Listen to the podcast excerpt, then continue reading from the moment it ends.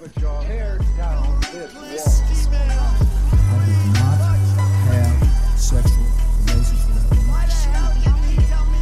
Read my lips. Hell yes, we're gonna take your AR-15. This your way. AK. I have a dream. Thank you. Da var det gjort, eh, Harald. Vi har uh, jobba oss gjennom eh, de ulike partiprogrammene som, eh, som finnes. Um, og det har jo vært en, eh, en interessant øvelse. Jeg har aldri lest samtlige partiprogram før. eh, før eh, nå, eh, i år. Og vi eh, gjorde det var en litt sånn artig øvelse, egentlig. I å måte prøve å analysere partiprogrammene på en litt eh, annerledes måte. Føler du at du har blitt noen år eldre? Eller, eller har du blitt noen år yngre på, på, på disse ukene? Jeg er definitivt noen år eldre. Uten tvil. Jeg føler meg Jeg føler meg helt uh, ferdig med livet. Det er. Ja, men det er jo Altså, det er jo en eh, Det er jo en spesiell øvelse å lese alle disse programmene. Altså, I hvert fall når det kommer til en del av disse lokale programmene til partiene. altså Partiene deler, ofte deler ut av ulike fylker, og sånn, så er, det- ofte mye kortere med sånne mer sånne bullet points. Eh, men det er jo kortversjonen, og vi har jo gått i gang med, med, det, med, med, med det lengste. Og så tenkte, tenkte vi jo da, eh, nå som vi er ferdig, vi, alle, alle episodene ligger eh, ute. Så man kan på en måte gå og bade seg i de, de episodene. Og har man tilbakemelding på det, så vi tar jo alltid imot eh, tilbakemeldinger på episodene våre. Hvis det er ting dere følte vi burde ha fått med, og, og sånne type ting, så står det jo fritt å diskutere det på, på Facebook-sida vår, eh, eksempel. Men vi har uansett satt opp noen punkter, som er våre, våre hovedpunkter, eller til inntrykk, eh, etter å ha vært gjennom eh, disse ulike partiprogrammene. Og jeg tenker jeg kan starte med min, eh, mitt første inntrykk etter å ha lest det, og det er at partiprogrammene har blitt fryktelig lange, og de kan umulig være ment for velgerne. For sånn som MDG, for eksempel, på nettet 152 sider, det er Altså Det er ingen som har tid til å lese, eller mulighet til å lese, stort sett. Og vi har lest det fordi vi har mulighet i jobben vår, og vi produserer podkasten som gjør at det er litt interessant, og det har en verdi i det. Men, men, men det, dette er fryktelig lange partiprogrammer, altså. Eh, og vi, vi har undersøkt litt, og funnet ut litt hvorfor det er sånn. Eh, men det kan også A, det kan vel hende at mange av politikerne har en fryktelig skrivekløe. Eh, Eller, eller, eller det blir ikke en kløe engang, det blir jo en diaré. Um, og dette skal ned på papiret. Um, det er jo ikke en, eh, ikke en helt upassende et helt upassende bilde på hvordan det føltes å lese. Ma mange av de partiprogrammene. ja, eh, For å være helt ærlig så må vi si det sånn. Men, men så har vi gravd litt i det òg, og det er jo litt sånn at um, at eh, når, man, når partiene setter sammen de ulike programmene, så tar de ofte gjerne kontakt med ulike organisasjoner for innspill til, til partiprogrammer. Og det er jo på en måte naturlig, egentlig, at man henter inn innspill fra, fra andre. Eller andre aktører for å bygge et eh, partiprogram, og det er veldig bra. Eh, men så er det også sånn at mange av disse organisasjonene setter jo karakterer på partiprogrammer. Ehm, og det de ofte da ser på, er om innspillene deres har kanskje blitt direkte tatt inn, eh, men også indirekte. Men kanskje direkte, det er jo det, da det beste, for da har de, har de på en måte oppnådd mest mulig gjennomslag hos et politisk, politi, hos et politisk parti. Eh, men da er det også sånn at partiene har jo dette i bakhodet når de skriver partiprogrammene, og da må de på en måte helgardere seg litt. For hvis de da har et eh, fyldig partiprogram hvor de kan inkorporere en del av de tingene som kommer fra ulike organisasjoner, så, sånn, så øker sjansen for at eh, når disse organisasjonene da leser partiprogrammet, så gir de kanskje en høy karakter, og kanskje det, det kan bidra til å overbevise noen av deres medlemmer til å stemme på nettopp dette partiet. Eh, og, dermed så økes du da i omfang. Vi får en slags inflasjon i, eh, i tekst og retorikk, for å si det på den måten, og en del punkter. Og, så da skjønner vi på en måte litt hvorfor det er sånn. Men resultatet er i hvert fall det at hvis man da setter seg ned og leser alle disse ulike programmene, så blir de jo fryktelig lange, og kanskje altfor lange, Harald. Eh, Ja, uten tvil. Eh, Og det som kan være litt problematisk med at eh, partiene tar innspill fra inter interessegrupper, er jo også det at det kan innebære at interessegruppene da får innflytelse, politisk innflytelse. På hva slags forslag partiene skal, skal fremme. At det da er interessegruppene og ikke velgerne og det som er kanskje samfunnets uh, interesser uh, som blir, uh, blir avgjørende. Det blir nok en arena hvor ulike interessegrupper kan fremme sitt politiske budskap. og Det er uklart om det er i velgernes interesse og i samfunnets interesse. Ja, men Hva med folkestyret, Harald? Hva med nedenfra opp? Ja, og det er jo det så godt som alle partiene smykker seg med, nemlig det at demokratiet og folkestyret skal eh, virke nedenfra og opp. Mens det vi ser, er jo at det kanskje til større grad enn det som, eh, eh, som partiene ser for seg, så er det mm, ovenfra og ned, hvor det er interessegrupper og partiorganisasjonen som, som setter agendaen, og ikke mm, folks interesser. Og der gjelder alle partiene.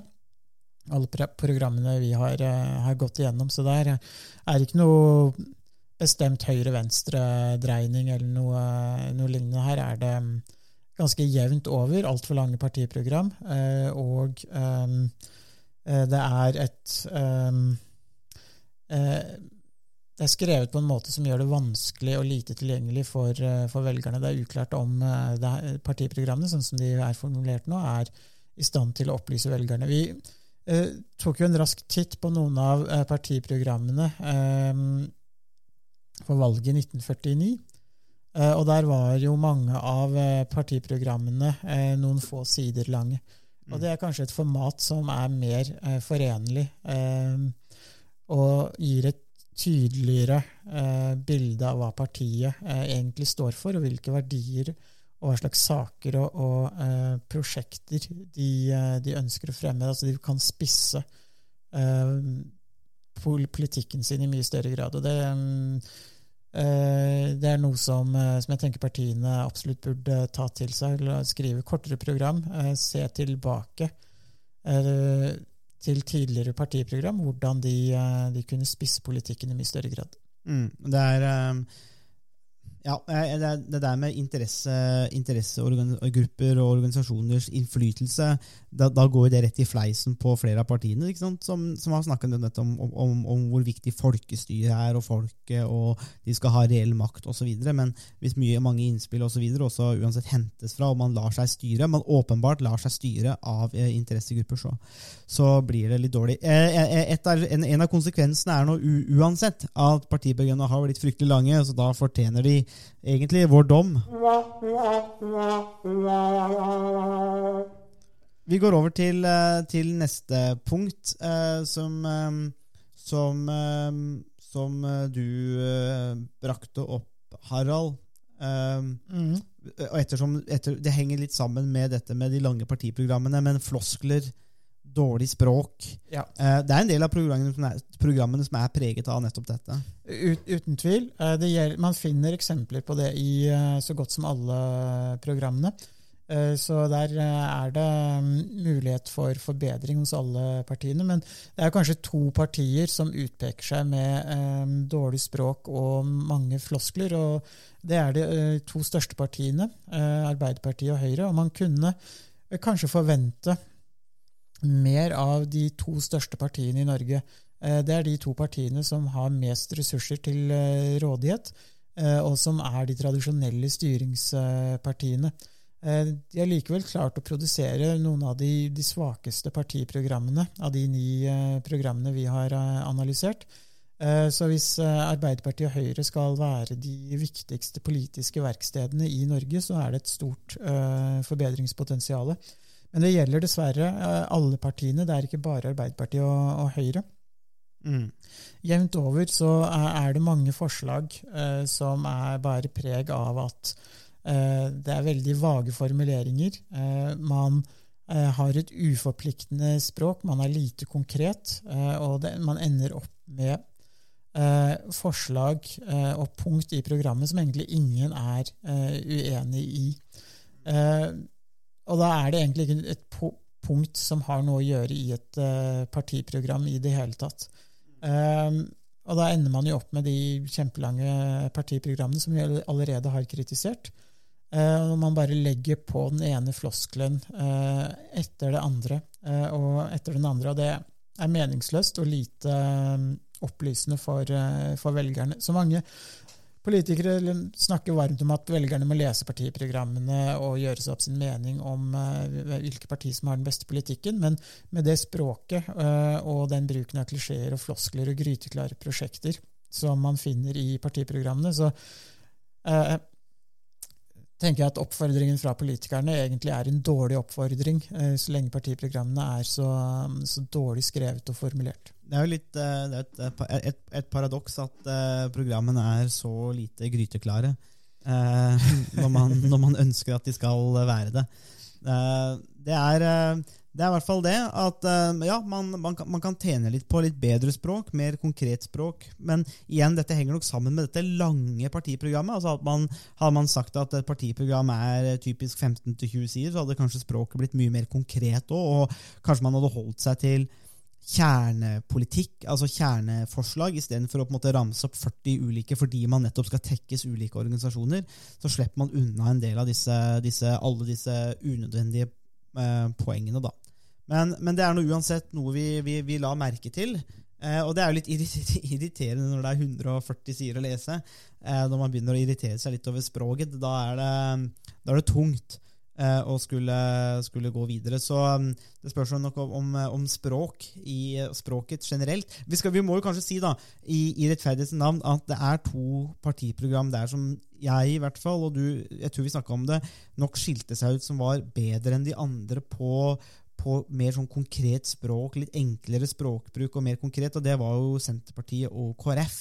Som i hvert fall da jeg leste det Jeg hadde det mer moro, på en måte. og Det gikk lettere å lese de partiprogrammene, for jeg følte nok at de var noe bedre skrevet, at det var litt, eh, ja, litt mer gjennomført der. Og det, for meg så var de to partiprogrammene de som var best å lese, eh, egentlig.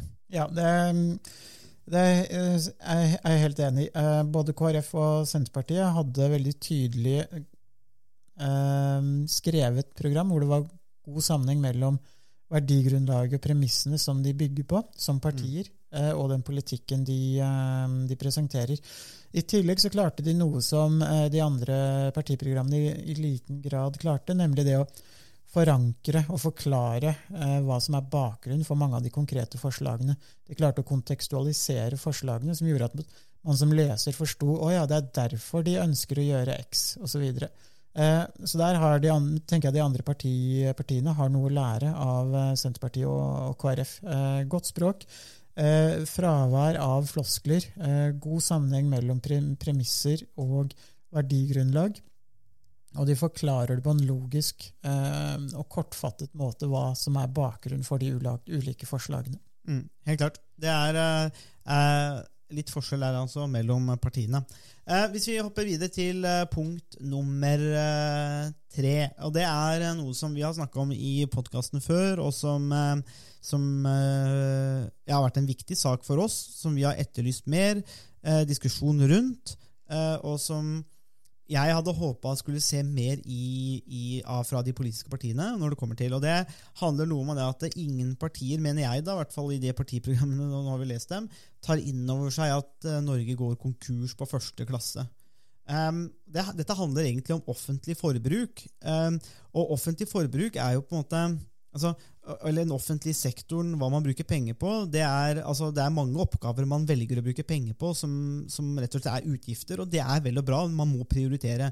Mens i Norge så har man jo hatt en sånn aversjon mot å prioritere. Man vil helst bare kaste mer penger på bålet, fordi at politikk handler jo, som vi pleier å si etter Harold Aswell, at det handler om hvem som får hva, når, og hvor. Og noen må Altså, noen byrder må fordeles, eh, og noen goder skal fordeles, men det er knappe ressurser. eh, slik at dette er en knallhard kamp. Eh, og i Norge så, så har man på en måte hatt en sånn liten sånn trend nå hvor partiene ser ut til å ikke ville ta de tøffe prioriteringene fordi at de kan gjøre seg upopulære hos ulike velgergrupper. Og så ender man opp i en sånn mellomposisjon hvor vi veit at olja er i ferd med å tørke opp, for å si det litt enkelt. I hvert fall inntektene vil falle. Eh, og hvordan skal man opprettholde velferdsstaten og det offentlige forbruket og hvor, hvor skal pengene komme fra? Vi vet at, eh, at det, er det her ikke eh, at, ja, altså vi, vi blir insolvente, da, i verste fall. Men vi må finne andre løsninger. Jeg hadde ønska at, at partiene tok dette mer på alvor. Istedenfor å, å, å lulle rundt, mener jeg, med mange andre mer sånn trivielle ting. Altså, eh, det er greit, MDG har et stort prosjekt om klimasaken. Altså, De har gjort dette til en stor sak, og det er en kjempestor sak. Altså, Det er vanskelig å argumentere mot det. Eh, og det er bra, og Man skal ikke forvente at alle eh, skal ta grep i dette med den offentlige sektoren. Men samtidig så mener jeg at vi må det. Fordi at eh, det, det, kreves eh, noen reformer. Det kreves prioritering på hva vi har lyst til å bruke pengene på. Eh, og alle er på en måte enige om at, det, for at mye av det vi gjør, er at det er jo sånn Eh, vi har tilfeldigvis en handlingsregel som ja, inntil 3% av, eh, av disse inntektene. Men det er uansett uhorvelig mye penger, og vi burde egentlig kanskje tenke på hva om vi ikke hadde hatt det, og prioritert deretter. Men det har vi på en måte glemt litt i Norge, og vi sitter på berget og er veldig fornøyde med oss sjøl, for vi, vi, er så forbanna rike. Uh, og det føler jeg kanskje har utført en litt sånn styringslatskap, og at ingen partier tør å ta det. Så jeg er litt uh, skuffa over at det er ingen som tør, tør, å være tøffere på en måte i prioritering. Ja, man kan jo si litt om Rødt, kanskje, som er men de er tøffe på en litt annen måte. altså Der handler det om klassekamp og mer om kapitalismen. på en måte, Og samtidig, der skal jo staten bli enda større eh, og drive enda mer. Så, og jeg vet ikke om, om Jeg er helt for personlig at staten skal løse en god del oppgaver, men ikke like mye som Rødt, tror jeg. Eh, men jeg er likevel bekymra for fordi jeg, jeg er veldig bekymra for hva om vi ikke klarer å håndtere og, og få hånd om eh, utgiftene raskt nok, slik at vi ender opp eh, i en litt sånn dårlig spiral og det er det en viss sjanse for. Det er bare at jeg tror at i Norge så liker man å tenke at det skjer liksom ikke oss. Uh, men, eh, men, men, jeg syns det er litt svakt at ingen partier har tatt og, og dette gjelder kanskje særlig på høyresida, fordi tradisjonelt på venstresida forventer man jo storstat. Jeg hadde kanskje håpa at på høyresida at man skulle vært tøffere på akkurat dette og si liksom Folkens, det ser ikke bra ut. Her må vi ta noen grep. Jeg deler den uh, skuffelsen fullt ut. og det overrasker meg og skuffer meg veldig stort at ingen partier egentlig ser noen av de største utfordringene man står overfor. Eh, den demografiske endringen som Norge går igjennom, innebærer at det blir flere eldre. Eh, som innebærer at det blir færre som arbeider og betaler skatt. Eh, men samtidig som det er flere som trenger helsevesen, og som vil være pensjonister det er klart, Både Arbeiderpartiet og Høyre har adressert dette problemet til en viss grad, men de tar det i liten grad inn over seg. Altså Det er noe, mm. de, ikke, noe de skyver litt foran seg, noe de eh, tenker å løse eh, gjennom eh, økt produktivitet, eh, effektivisering osv., men det materialiserer seg aldri noe. Det blir aldri realitet ut av det. Så man bare skyver det foran seg, og det, det syns jeg er skuffende. Og eh, man bør kunne forvente mer av eh, i hvert fall av de, eh, de to store partiene. Nå, nå, stiller vi kanskje sterke og høye krav til de to store partiene, største partiene i Norge, men samtidig er det de to partiene som ønsker å ta ansvar, og som har uh, reelle uh, statsministerkandidater foran årets valg. og da, da bør, kan man også forvente mer av de to partiene. Mm, ja, altså, det, er egentlig mest sånn som du nevner, da, altså bare det med å identifisere altså, disse store problemene. Og jeg tenker jo eh, Ja, altså dette, dette, dette, har vi sett f.eks. med dette med Viken. altså hvordan man, man, Der identifiserte man jo et problem, altså et område behov, med behov for sosial reform, men så, men så bare mislyktes man totalt med reformen. Uh, hvorfor, ikke, hvorfor, ikke, ha noen prosjekter som gjør dette bedre? Uh, fordi at det er, problemet er uløst. altså, det, man har ikke kommet, så det hjelper ikke. Um, og det, det, tenker jeg er uh, Ja, jeg, igjen, jeg er litt skuffa. Det kan godt hende at jeg forventer for mye. da, det er jo det, At man forventer for mye av politikerne og politiske partiene. Men, men vi gir dem jo gode ordninger, ikke minst ordninger med pendlerleiligheter som de kan misbruke eh, slik de vil. Eh, og mangle? Ja, og sjenerøse reiseregningsmetoder. Så vi, det er mye makt ute og går her, og privilegier, og man ja, nei, skulle gjerne tatt disse sakene litt mer seriøst, syns jeg. Um, så der er det i hvert fall en uh, definitiv uh,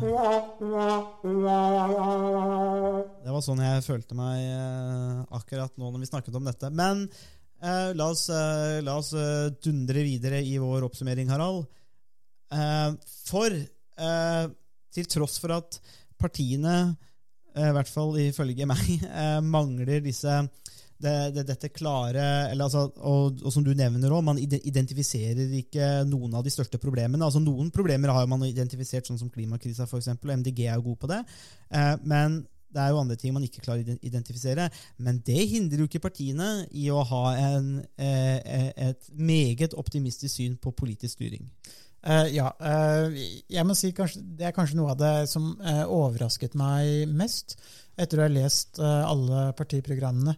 Eh, og Det er nettopp det at samtlige partier, og det gjelder fra ytterste venstre til ytterste høyre, alle partiene har en eh, ekstrem eh, tro på egne ferdigheter og egen eh, evne til eh, at, å styre politikken. Og det er en eh, ikke grenser for hvor detaljert politikerne skal eh, styre oss. Og det er en ekstrem styringsiver, og det er nærmest ingen grenser for hva politikken kan oppnå. Bare Høyre eller Rødt eller Arbeiderpartiet eller hva, hva det måtte være, får eh, anledning til å styre. Og problemet er ikke Problemet ser det ut til å være at det er de andre partiene som ikke klarer å styre. Bare mitt parti får styre, så vil det, vi kunne ordne det her uten eh, noen problemer.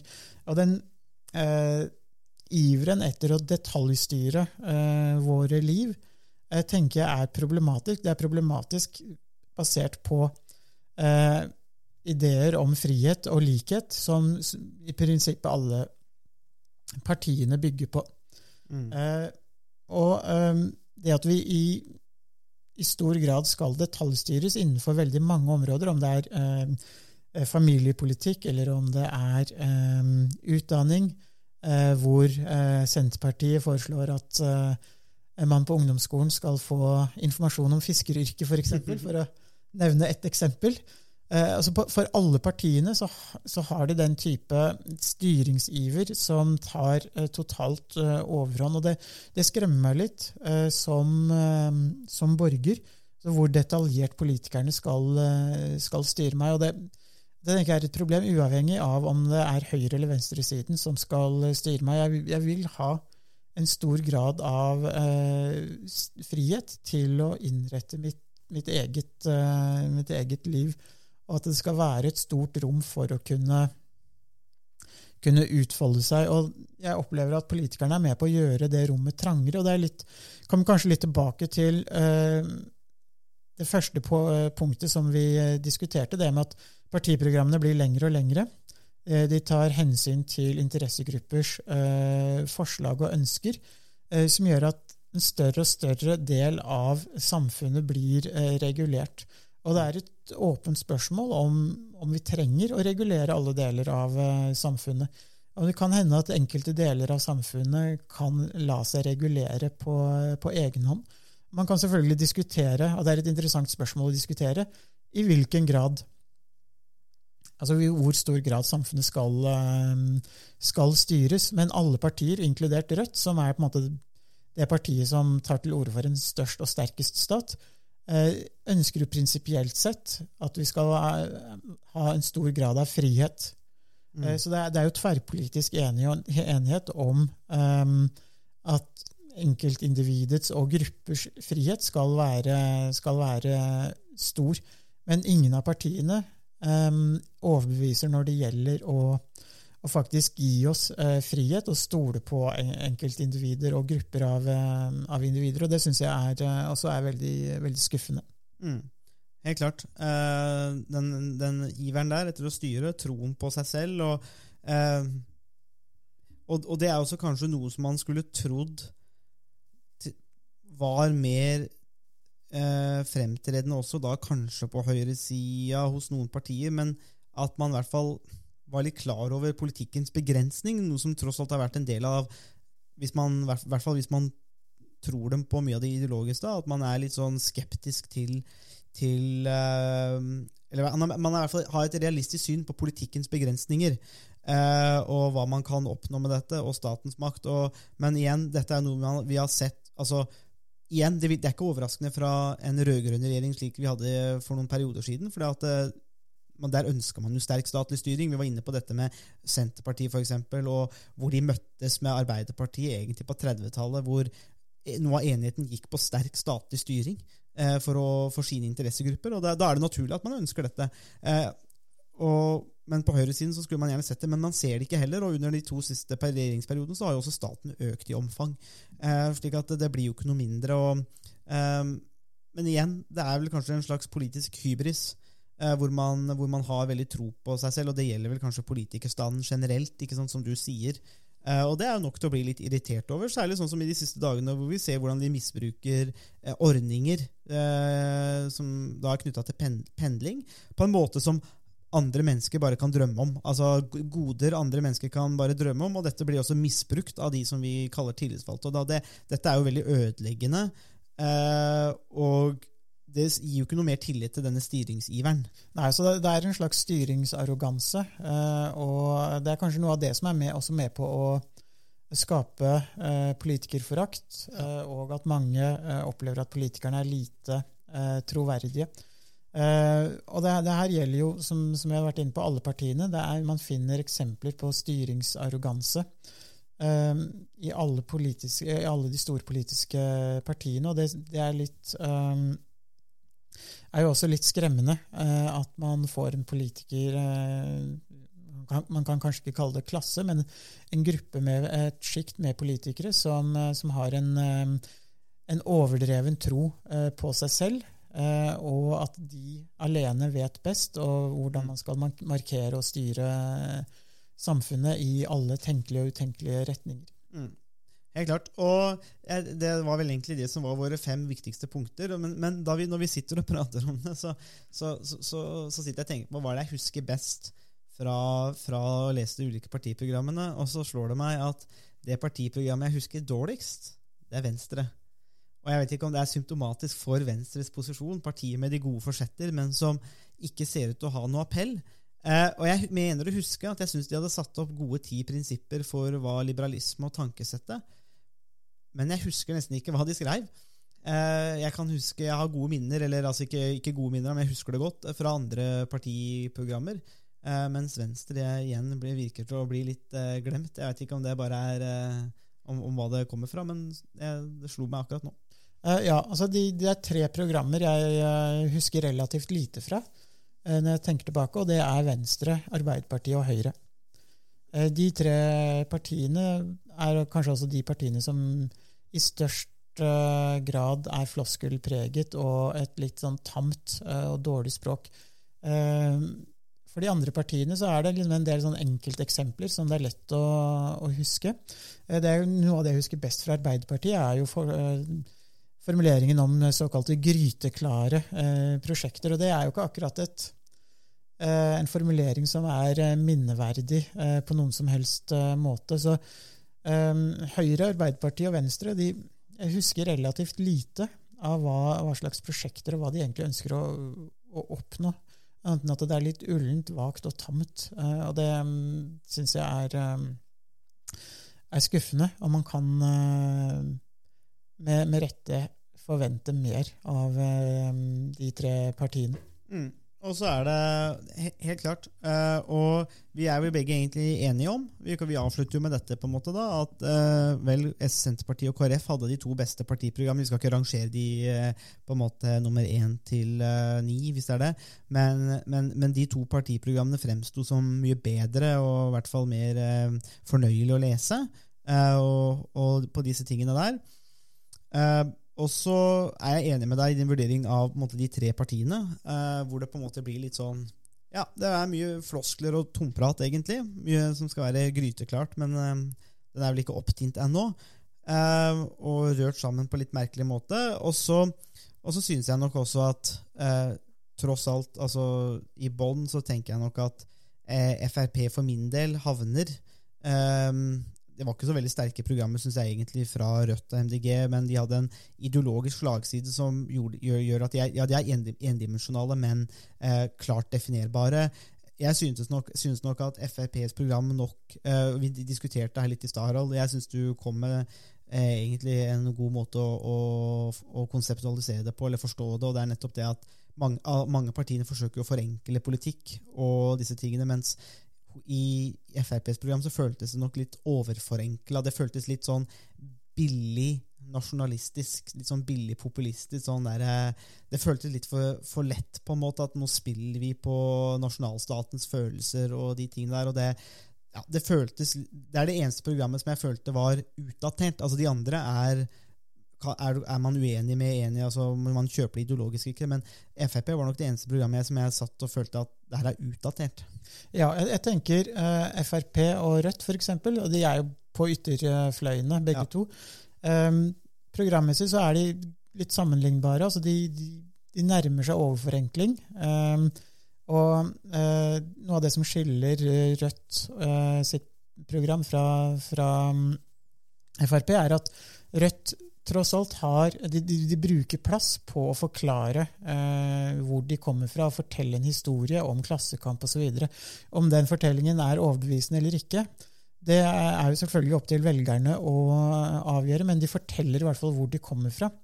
Eh, og der syns jeg Frp burde eh, tatt anledningen eh, til å fortelle mye klarere hva de står for. Hva er de liberalistiske eller libertarianske prinsippene de uh, forfekter? Mm. Altså, hva er historien? Hva er narrativet som Frp vil, uh, vil fortelle oss?